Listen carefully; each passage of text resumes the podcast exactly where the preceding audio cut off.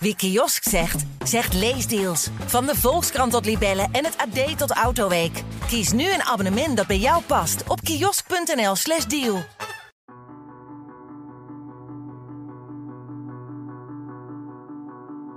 Truus Kuipers leeft dus nog. En dat niet alleen, ze kan zelfs een lezing geven in een zaaltje achter een kerk in Drenthe. Ik moet eerlijk zijn, toen Mirjam me belde was het eind van de middag. Ik had een beetje een slome dag gehad en ik zat al op de bank. Ik had echt totaal geen zin om meteen in de auto te springen en midden in de spits dik twee uur naar Drenthe te rijden. En Daan, met wie ik deze podcast maak, ook niet. Maar toch zitten we een half uur later in de auto. Onderweg bespreken we wat we kunnen aantreffen daar in dat zaaltje achter die kerk. Ik heb geen idee.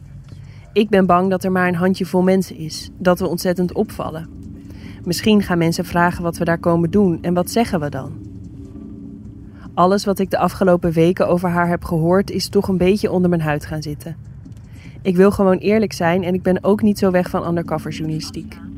Maar door wat Mirjam, Mira en Alejandro me hebben verteld en door wat ik in het archief heb gelezen, weet ik ook totaal niet hoe ik moet reageren als ze dat vragen. Of hoe zij gaat reageren. Dat ze misschien haar lezing aanpast als ze doorheeft dat er een journalist in de zaal zit, of gewoon stopt met de lezing. Of dat ze nee zegt tegen een interview.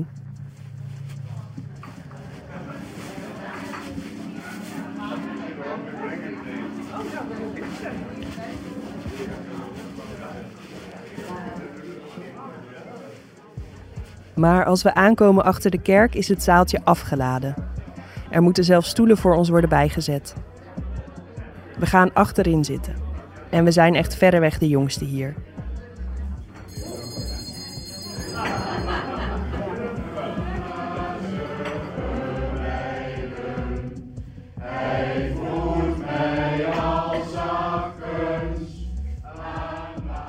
Na wat introductie en een mooie psalm is ze daar dan eindelijk. De vrouw over wie ik al zoveel heb gehoord en gelezen. En ze ziet er kwiek uit. Natuurlijk, ze is 89. Maar zo wil ik ook wel 89 worden. Ze heeft een wandelstok, al loopt ze prima. Ze heeft een klein mutsje op haar hoofd dat haar dun geworden grijze haar bedekt. Ze maakt grapjes en vertelt dat ze zelf nog auto rijdt. Dan begint ze haar verhaal over haar werk in Chili en Las Palmas. Om ons heen wordt aandachtig geluisterd en af en toe geknikkebold. Al deze mensen hebben haar kindertehuis jarenlang via hun kerk gesteund. Kuiper staat bijna twee uur te vertellen. Het is één grote zelfverheerlijking. Alles is prachtig en mooi en goed. Het gaat ook over de adopties, maar dan op een manier die ik niet ken uit de verhalen die ik over haar gehoord heb.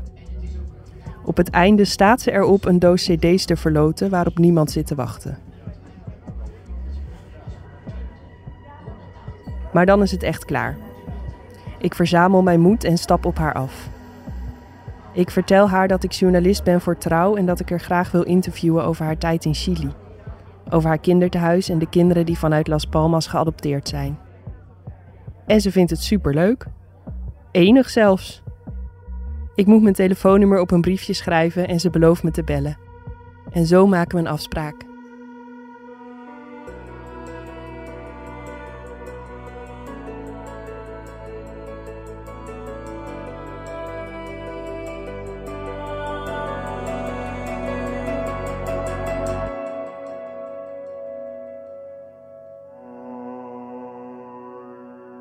Ik ben Petra Vissers en voor Dagblad Trouw is dit De Gestolen Kinderen. Je luistert naar aflevering 4.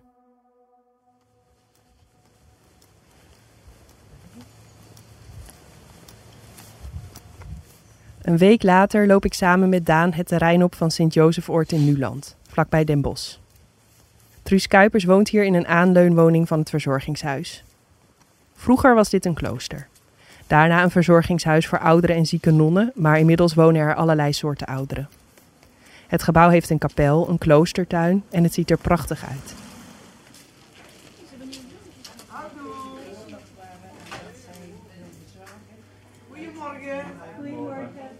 De receptioniste stuurt ons op weg. Gang in, gang uit, lift omhoog. En dan lopen we de gang in waar ze zou wonen. Helemaal aan het einde is haar kamer. Maar als we aankomen bij haar deur is die gebarricadeerd. Anders kan ik het niet omschrijven. Er hangt een briefje met geen toegang, dank u wel. Er staan dozen voor haar deur en een rollator met een plant erop. Aan de overkant tegen de muur staat een grote kar met spullen. En er hangen schilderijen met Chileense landschappen. We bellen aan, kloppen, maar ze is er niet.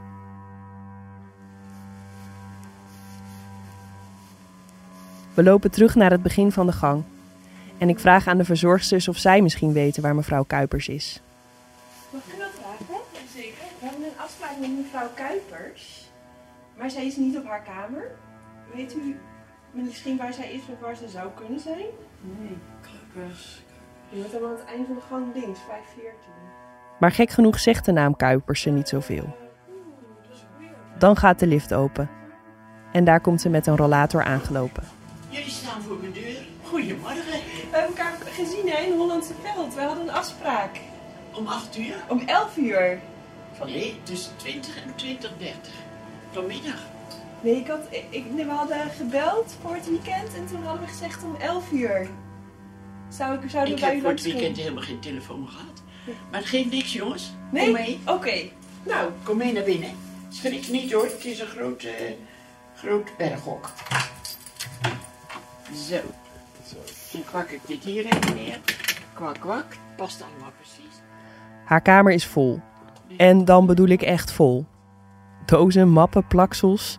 De hele tafel ligt bezaaid met papier. We praten wat en ze laat trots allemaal dingen uit Chili zien. Maar omdat er op haar tafel geen plek is om de microfoons neer te zetten, besluit mevrouw Kuipers, ik hoef het haar niet eens te vragen, dat we ergens anders heen moeten. Met haar rollator loopt ze voor ons uit het verzorgingshuis door. We gaan uiteindelijk zitten in een kantoortje naast de receptie. is wel afstand. Ja. Ah, zie? Zoiets, ja? Dan trekken we ons verder niks aan van de microfoons. Goed zo. Ja, Ik heb hier een geschreven blad. Een tekst die ik zelf geschreven heb. En daar zal ik je van vertellen hoe eh, binnen ons gezin dit verhaal leefde. Oké. Onze paps kwam uit Limburg. Een groot gezin. Acht meisjes en twee jongens. Een van de twee jongens was hij zelf. Ze begint dus voor te lezen van een papiertje. Ik weet niet of ze helemaal doorheeft dat ik haar zou interviewen. Maar er volgt een heel verhaal over haar jeugd, Sint Maarten, zusters die haar familie in de maling namen. Uiteindelijk komt ze erop uit dat dat de reden is waarom ze haar kindertehuis Las Palmas is begonnen. En wat ik ook meteen merk is die opvliegendheid waar Mirjam, Mira en Alejandro het over hadden. Kun je je voorstellen? Las Palmas is precies zo groot. Hij staat te hoog, dat ding. Ik moet helemaal zo zitten Oh, dat is praten met mijn nek in mijn keel. Zo Ik denk dat het hier moet. Moet ik nog zo zitten praten? Nee, daar doe ik het niet voor. Duikel hem eens naar mij toe. Nee. Zo. Ah, zie. Hij is daar weer. Ja, je moet wel comfortabel zitten natuurlijk. Ja, dat vind ik ook. Ja. Dat kan ik ook, anders kan ik de brief niet lezen. We gaan weer verder. Las Palmas is precies zo'n groot gezin. Waar vaak geschoven wordt met bedjes en bedden om ruimte. Uiteindelijk komen we wel tot een gesprek. Ze vertelt haar hele levensverhaal en over hoe ze in Chili terecht is gekomen.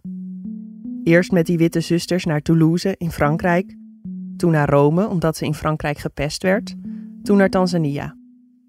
Ze vertelt dat ze daar onverwachts werd ontslagen door de witte zusters. Geen idee waarom, zegt ze. Hetzelfde overkomt haar in Cameroen, waar ze heen gaat via het Centraal Missiecommissariaat. Daarover vertelt ze dat ze werd beschuldigd van diefstal. En dat had ik ook al gelezen in het archief in Nijmegen. En inderdaad, via de broer van haar zwager hoort ze dan uiteindelijk van een plekje in Chili. Eerst doet ze jeugdwerk in Viña del Mar en daarna vertrekt ze naar de hoofdstad Santiago om te gaan werken in het kindertehuis Recazzo. Ik kwam daar in dat huis terecht. En die overste was heel blij, want die, die dacht wel, ik zei, goh, ik zou zo graag willen helpen. Nou, zei ze, dat is fijn, pastoraal werk, catechese, misschien wat onderwijs doen. Maar het gezellig maken voor de kinderen, dat was allemaal hartelijk welkom. Waar begon ik mee? Met kennismaking van die kinderen natuurlijk. En toen ik die kamertjes zag en die slaapkamertjes, en dacht ik, oh, hier moet echt het een en ander gebeuren voor die kinderen. En zo hebben we toch ook gezorgd dat ze op een gegeven moment ook iets andere maaltijden kregen. Niet alleen maar dikmakers, maar meer groenten erbij. Ook eens iets meer fruit erbij. Dat hebben we ook maanden gedaan. Heerlijk, heerlijk. Lekker gewerkt. En af en toe nam ik ze mee.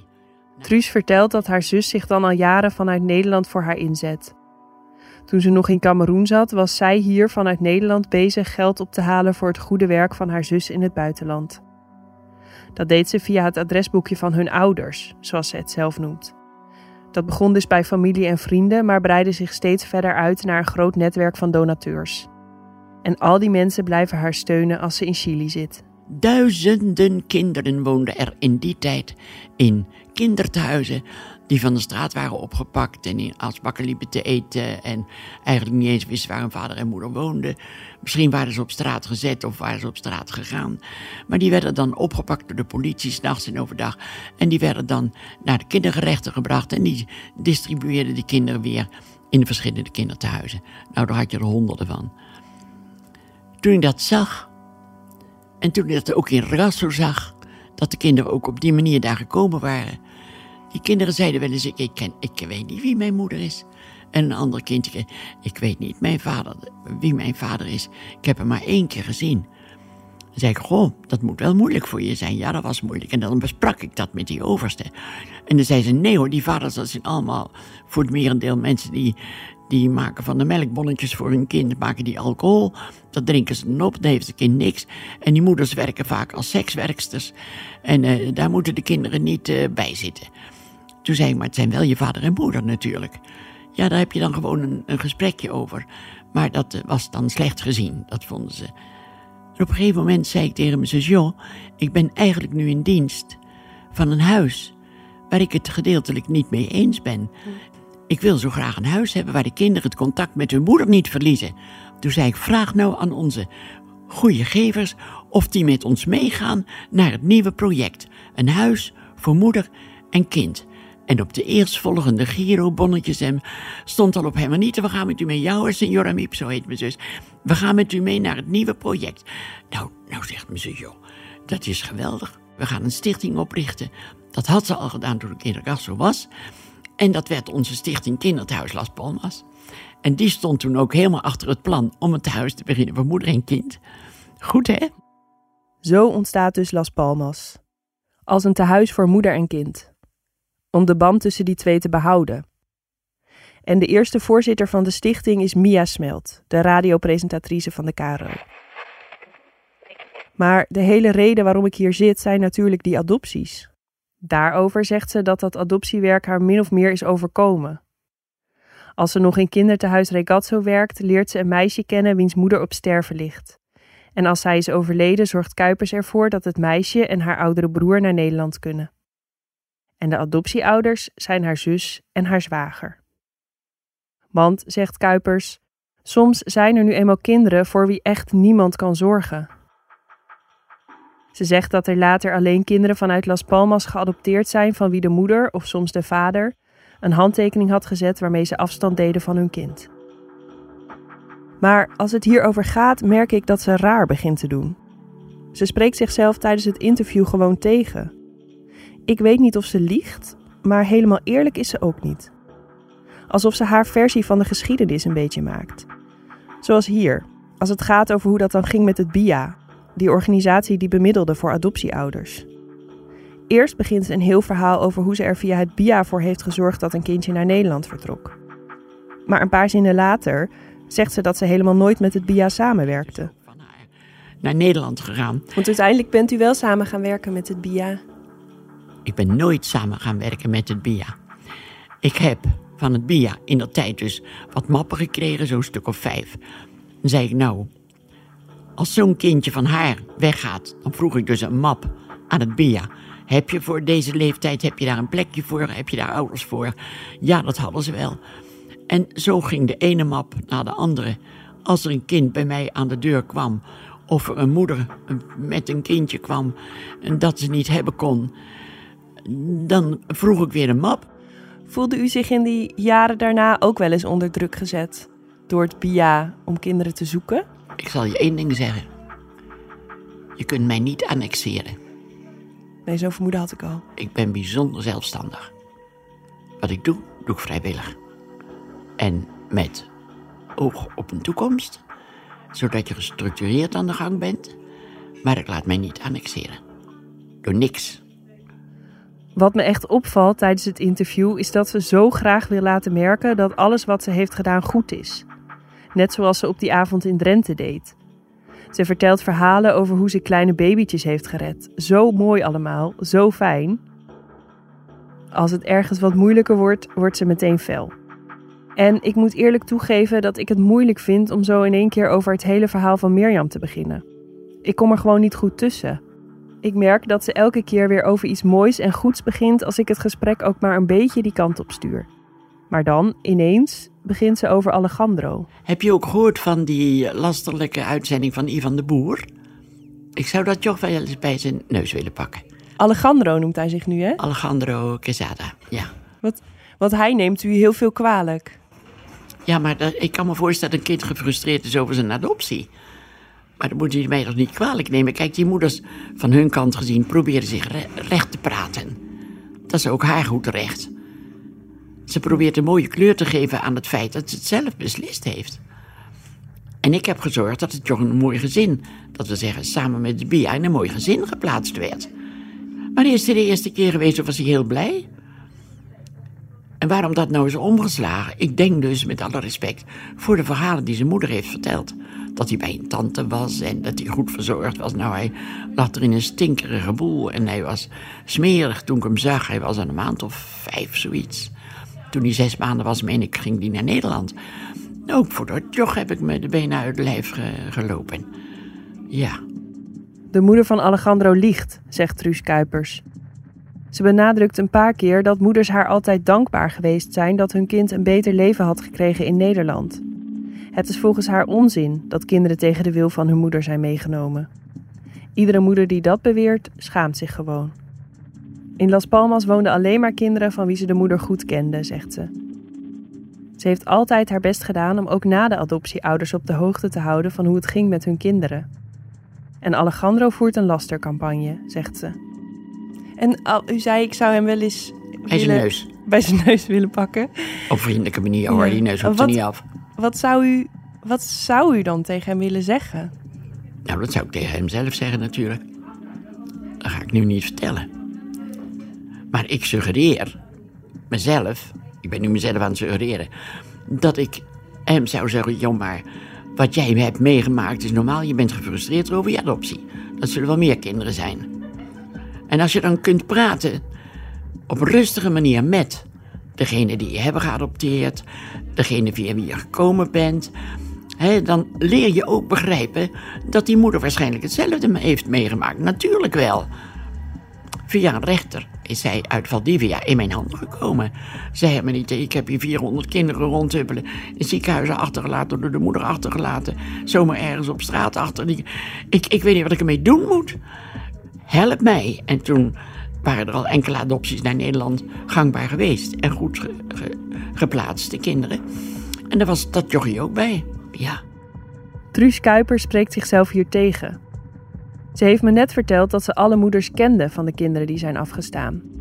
Maar nu zegt ze dat ze Alejandro met nog veel meer andere kinderen uit een ziekenhuis heeft opgehaald in Valdivia, meer dan 800 kilometer verderop, omdat hij was achtergelaten door zijn moeder. En een ander naar verhaal, het verhaal van eh, Mirjam, die vertelt dat zij aan de verkeerde biologische familie is gekoppeld. Hè? Niet, niet door mij hoor. Wat is daar nou precies gebeurd? Waar gebeurt bedoel je? Nou, hoe komt het dat zij vertelt dat ze door een Nederlandse non en haar zus is gekoppeld aan de verkeerde familie? En, en nu... Ik heb nooit iemand gekoppeld aan iemand. Ik heb alleen gezocht vanuit de bron, wat dan vaak de familie was of eh, de moeder zelf nog.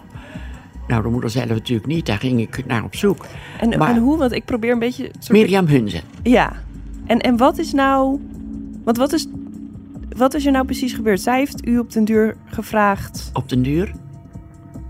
Heeft zij, heeft zij u überhaupt ooit gevraagd om familie te zoeken? Ja, ik kreeg toen een naam. wel.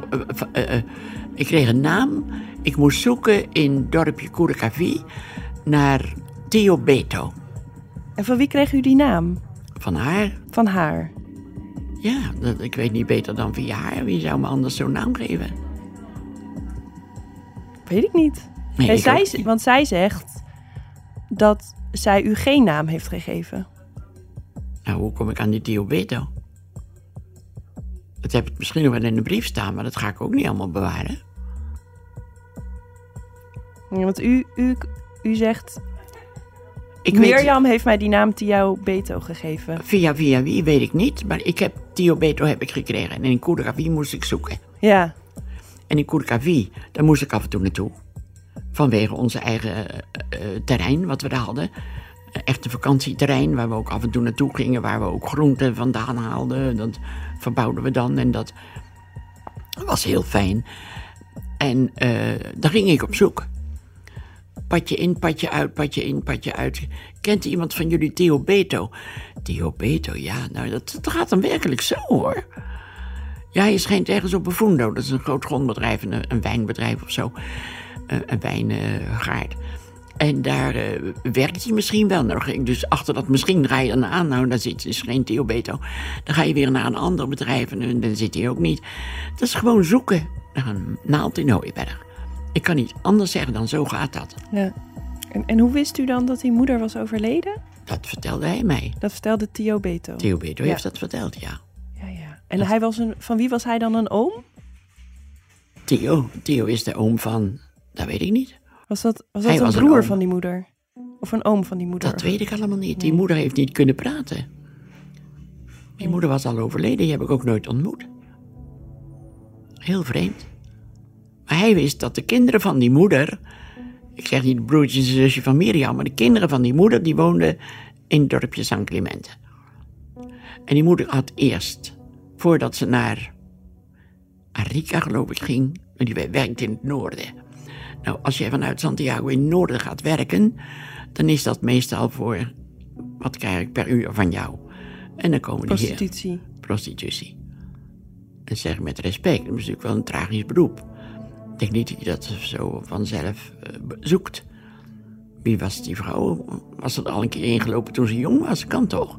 Ze schijnt al twee kinderen gehad te hebben voordat ze naar het noorden ging. En wat ze in het noorden verdiende, stuurden ze dan naar die familie die voor die twee kinderen zorgde. Eh, Ze verdienden dus via prostitutie, waar natuurlijk weer een nieuw kind was. eh, dat stuurden ze dan weer naar de familie. Dat wist beter ook te vertellen. Als hij, misschien was hij wel een broer van haar. Dat weet ik ook niet. Ja, En, en nu, nu weet Mirjam, hè, die heeft een DNA-test gedaan dat die broers en zussen niet nou, haar... nou, dat gaat erg ver. Ik heb haar, die hele, eh, dat verslag heb ik haar gestuurd. Ja? hoe het gegaan is, hoe ik gezocht heb. En eh, ja, meer kan ik haar ook niet vertellen. Ze is ook de eerste keer geweest, ik geloof met haar ouders of zo, maar dat weet ik niet meer. Ten meer omdat ze geen kind was wat via ons eigenlijk, ja, via ons zeg ik nogmaals, niet van ons, maar via ons eh, is aangezet om ter adoptie naar Nederland te mogen. Zij kwam uit een volkomen vreemde hoek. Ik kende de hele Miriam niet. En weet u hoe Mirjam aan uw naam is gekomen? Waarom zij u om hulp heeft gevraagd? Nou ja, hoe ben jij aan al die namen van die kinderen gekomen? Je bent op zoek gegaan. Ja. Dan zul je heus wel eens iets ontdekken. Wat, oh, Las Palmas, oh, daar ben ik ook uit. Ja, oh, oh ja. Ik, ik denk dat dat zo gaat. Ik- Daar, daar heb ik geen tijd voor om dat na te trekken. hoor. Zij, zij zegt via het Rode Kruis. Zou dat kunnen kloppen? Nou, nogmaals, ik heb er geen idee van hoe die kinderen aan die namen komen. Ga ik me ook echt niet in verdiepen. Ik ga het ook echt niet natrekken, want het interesseert me geen enkele malle moer. Werkelijk niet. Echt niet. Daar heb ik toch ook geen tijd voor, lieve mensen. Geen tijd voor gehad toen ik nog in Chile was. Maar ik geen zin in hier nu. Waar, moet ik nou voor Mirjam nog stappen gaan zetten? Ik weet via wie zij naar Nederland is gekomen. Dat heb ik in de brieven notabene gezien van haar eigen advocaat... die mij een pakje papieren stuurde. En eh, dat pakje papieren... Nou, schreef de advocaat, het is heel slordig, maar ik stuur het u toch maar toe. Daar staat de naam op van de vrouw die gezorgd heeft dat zij naar Nederland ging. Nou, die vrouw die verhandelde kinderen. Dus als ze weten of ze verhandeld is, dan moeten ze dat even van mij weten. Toen kende u die naam nog niet. Nee, Nee. die kende ik nu pas via de advocaat. En dat is niet eens zo heel lang geleden. Want die heeft een heel, Mirjam is een heel proces gestort. Ges- En- eh, gestart, bedoel En ik. wie, wie is dat? Is dat, eh, Nee, dat ga ik jou niet vertellen. Dat zal ik aan de advocaat vertellen. is dat Eh, Gertie Vogel? Tante Gertie. En die woonde vlak bij San Clemente. En achteraf weet ik dus dat die een contact had in het ziekenhuis met de sociaal werkster. Nou ja, dan is toch het, eh, het glijbaantje klaar. En tante Gertie vroeg om geld. Nou ja, dat moet zij ook zelf weten. Ik zit hier nou in oordeel uit te spreken. Ik heb dat nooit gedaan. Misschien omdat die naam Gertrude is, dat dat daar nu een vermenging is geworden. Zou toch kunnen? Geen idee. Dat Gertie Vogel geld vroeg voor een adoptie is op zich niet zo raar. Adoptieouders betaalden en betalen altijd voor een adoptie. Truus Kuipers zegt dat ze 250 gulden en later 250 euro vroeg. Dat was voor het gebruik van de auto van het kindertehuis of om personeel te betalen. Soms was het meer, vertelt ze, als er bijvoorbeeld medicijnen gekocht moesten worden. Maar u kende dus tante Gertie en die sociaal werkster. Die sociaal werkster kende ik niet. Dat is ver buiten mijn gezichtsveld. Maar tante Gertie, dat was wel een naam waarvan u dacht... Ik dacht niks. Ik kende haar. Via de ambassade. Want haar empleada, hoe heet dat, dienstbode, die bakte koekjes en die ging die aan de ambassade afleveren tegen kleine betaling. Zover ken ik dus haar relatie met de ambassade. En u, u weet wel dat zij kinderen verhandelde, Zij, tante Gertie. Dat zei ze mezelf. De een vroeg ze een rollator, en de andere een ijskast. En, eh, ja, dat heeft ze mezelf verteld. Dus ik weet dat. Dan ga ik niet zeggen, dat mag je niet doen, want het is zielig. Kan mij dat nou schelen wat de mensen doen? Ik doe het niet. Ik vraag 250 eh, gulden voor het gebruik van de auto van Las Palmas. Mag het? En heeft u dit wel eens aan Mirjam verteld? Ik krijg van Mirjam alleen maar een, een advocaat op mijn eh, dak. Ik heb iets schandalen gevonden. Want wij hebben naar de hand, toen zei mijn zus en ik... Godzijdank, zegt taalt in haar hoofd. Toen hebben we zelf een advocaat in het werk geroepen. Hij zegt, het is helemaal wat ze zit te kletsen. Er klopt niks van wat ze zit te vertellen. Ze zit gewoon te verzinnen. Maar ze is toch in China geweest? Als ze nou één keer geweest is, kan ze verder toch zelf die tochten wel doen? Maar het- het- het- ik, ik hoef tot die DNA's van die kinderen niet na te trekken. En er wordt er gezegd dat wij dat afraden. Zou ik dat wel ergens om gedaan hebben. Ik raad niks af. Als kinderen dat willen, moeten ze dat zelf doen. Toch? En dat zeg ik morgen en zeg ik over 15 jaar ook nog. Want zo is het. Het is ergens. En, en 14 dagen voordat zij dus begon te schudden en te sjoukelen... kregen we nog een brief van... Goh, lang al geleden we contact hebben gehad. Maar dat, dat, dat doet er toe. En god, vriendelijk dat ze dan zo schrijft. Ja, nou, dan leg je die brief naast je neer. En na 14 dagen krijg je een, een advocaat over je ziel. Nou, dat vind ik gewoon vies. Dat vind ik een vies verhaal. Ik denk dat zij een reactie had verwacht na die eerste brief. Nou, die kreeg ze niet. Ze vond een vriendelijke brief, maar verder toch niet. Zij wordt iedereen die een knipoogje geeft, een knipoogje terugkrijgt. Daar heb ik toch geen tijd voor. Verrek, ben 89. Nee, je uit gauw. Ja, Ja. Maar nu weet ik dus dat het mevrouw Vogel was, ja. Er staat notabene op de papieren van de advocaat. Daar staat het midden voor. Nou, dan weet je wel een kloen dat je dat niet lezen kunt. Maar ze heeft een adoptiemoeder in Nederland. Die heeft het kind onder Nederlandse naam naar Nederland laten komen. Dat is een strafbaar feit, dat is een strafbaar feit. Maar of ze gestraft wordt, ja of nee, nou dat zal me nog een oliebol kunnen schelen, toch? Ja. Wat interesseert het me verder? Gertie Vogel deed dat dus vaker. Voor zover u weet. Ja, want er stond een ijskast en een rollator en, en nog een stuk of vier dingen die ze... Ja, dat heeft ze mezelf verteld. Hoe- wat, wat vond u daarvan toen ze dat aan u vertelde? Mensen, het interesseert me niks. Dat gaat mijn ene oor in en het gaat de andere oor uit.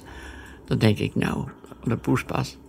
Ik heb er geen oordeel over. Wat was het voor vrouw? Ja, zeg dankjewel. Dat moet je aan de adoptiefmoeder vragen. Die is overleden. Oh, nou, die kan dus ook niet meer spreken. Zo gaat dat. En ook kan Mirjam lekker met de advocaat verder gaan. Dat moet ze vooral doen. Ik denk dat ze.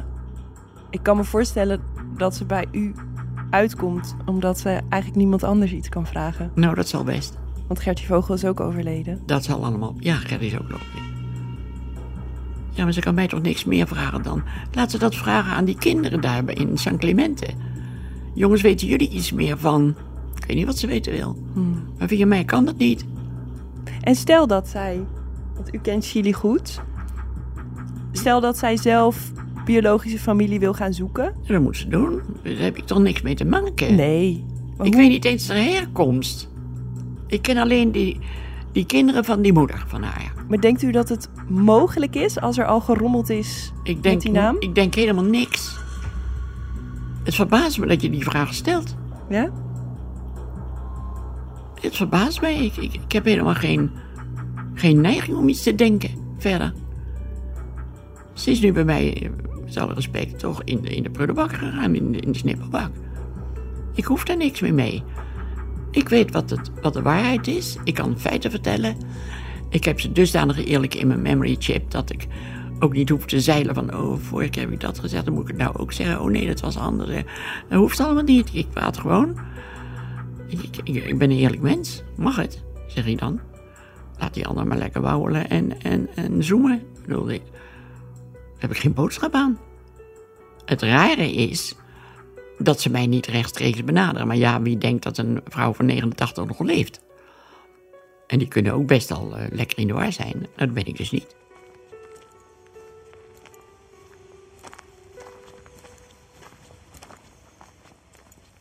Als ik wegloop bij Truus Kuipers, onder de bomen door richting de bushalte, ben ik stil. Ik weet niet wat ik moet denken van dit interview, van deze vrouw. Ik heb uren bij haar gezeten. En aan de ene kant heeft het me wat dingen duidelijk gemaakt, maar aan de andere kant ben ik totaal in verwarring. Ik weet nu bijvoorbeeld zeker hoe ze in Chili terechtkwam en hoe ze zich daar bewogen heeft. En wat iedereen zei over haar persoonlijkheid kan ik nu ook beter begrijpen. Zonder enige twijfel is dit een vrouw die niet over zich heen laat lopen. Maar ze heeft een aantal dingen verteld waarvan ik weet dat ze niet kloppen. Zo weet ik zeker dat Mirjam haar niet de naam heeft gegeven van die oom, Theo Beto. Dat weet ik omdat Truus Kuipers zelf in 2001 in een brief aan Mirjam schrijft hoe ze bij hem terecht is gekomen. En dat is niet via Mirjam. Ook weet ik zeker dat het adoptiewerk haar niet zomaar is overkomen, zoals ze zelf de hele tijd vertelde. In 1975 schrijft ze aan Mia Smelt dat ze door haar werk in Regazzo in contact is gekomen met kinderrechters. En van daaruit groeide het adoptiewerk. De kinderen die naar Nederlandse ouders gaan, moeten ergens heen, schrijft ze. En de volgende zinnen maken voor mij kristalhelder wat voor soort kindertehuis Las Palmas echt was. Regazzo was overvol, schrijft ze. De adoptiekinderen vinden nu een onderdak in dit nieuwe huisje, Las Palmas. Het idee om een huis te openen voor moeders die wel voor hun kinderen willen zorgen, maar voor wie dat om wat voor reden dan ook lastig is, ontstaat pas later, in 1977. Dat kindertehuis noemt Truus Kuipers Las Palmas 2. Het is een soort kinderdagverblijf waar kinderen door de week slapen. In het weekend of op zondag worden ze opgehaald. En voor de duidelijkheid, Truus Kuipers heeft daarmee niets verkeerd gedaan. Kinderen opvangen die niemand meer hebben is geweldig. En adoptie is niet verboden. Maar waar ik moeite mee heb, is dat ze er niet eerlijk over is. En niet één keer, maar meerdere keren. Als het op de adoptie van Alejandro aankomt, weet ik gewoon niet of ze de waarheid spreekt.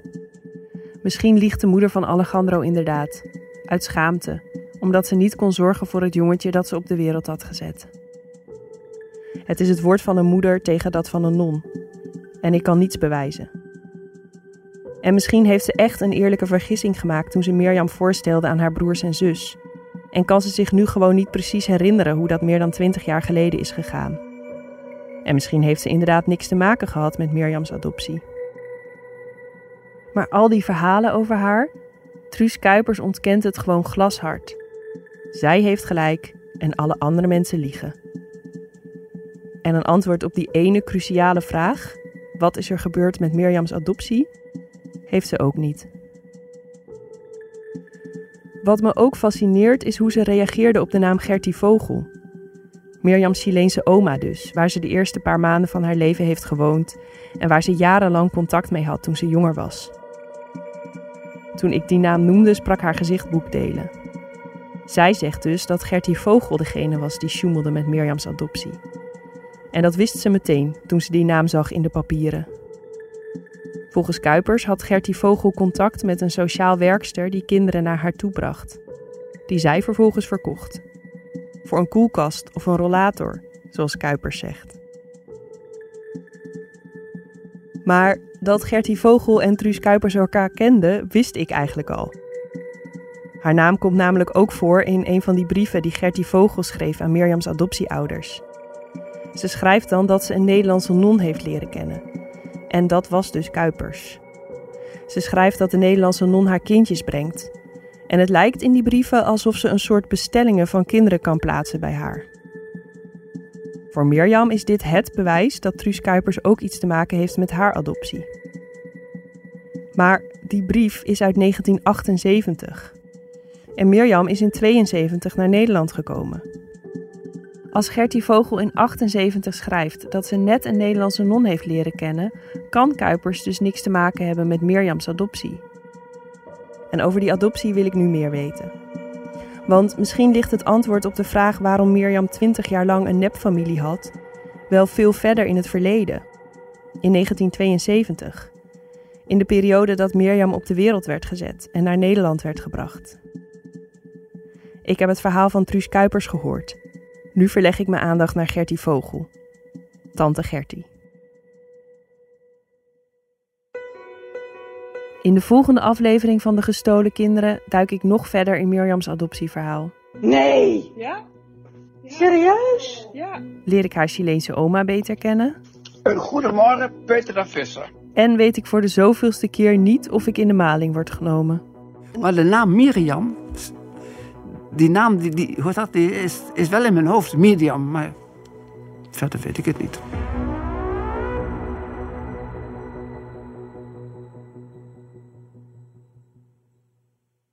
Als je dit een fijne podcast vindt en belang hecht aan goede journalistiek, neem dan een abonnement op Trouw. Dat kan op abonnement.trouw.nl. Wie kiosk zegt, zegt leesdeals. Van de Volkskrant tot Libellen en het AD tot Autoweek. Kies nu een abonnement dat bij jou past op kiosk.nl/slash deal.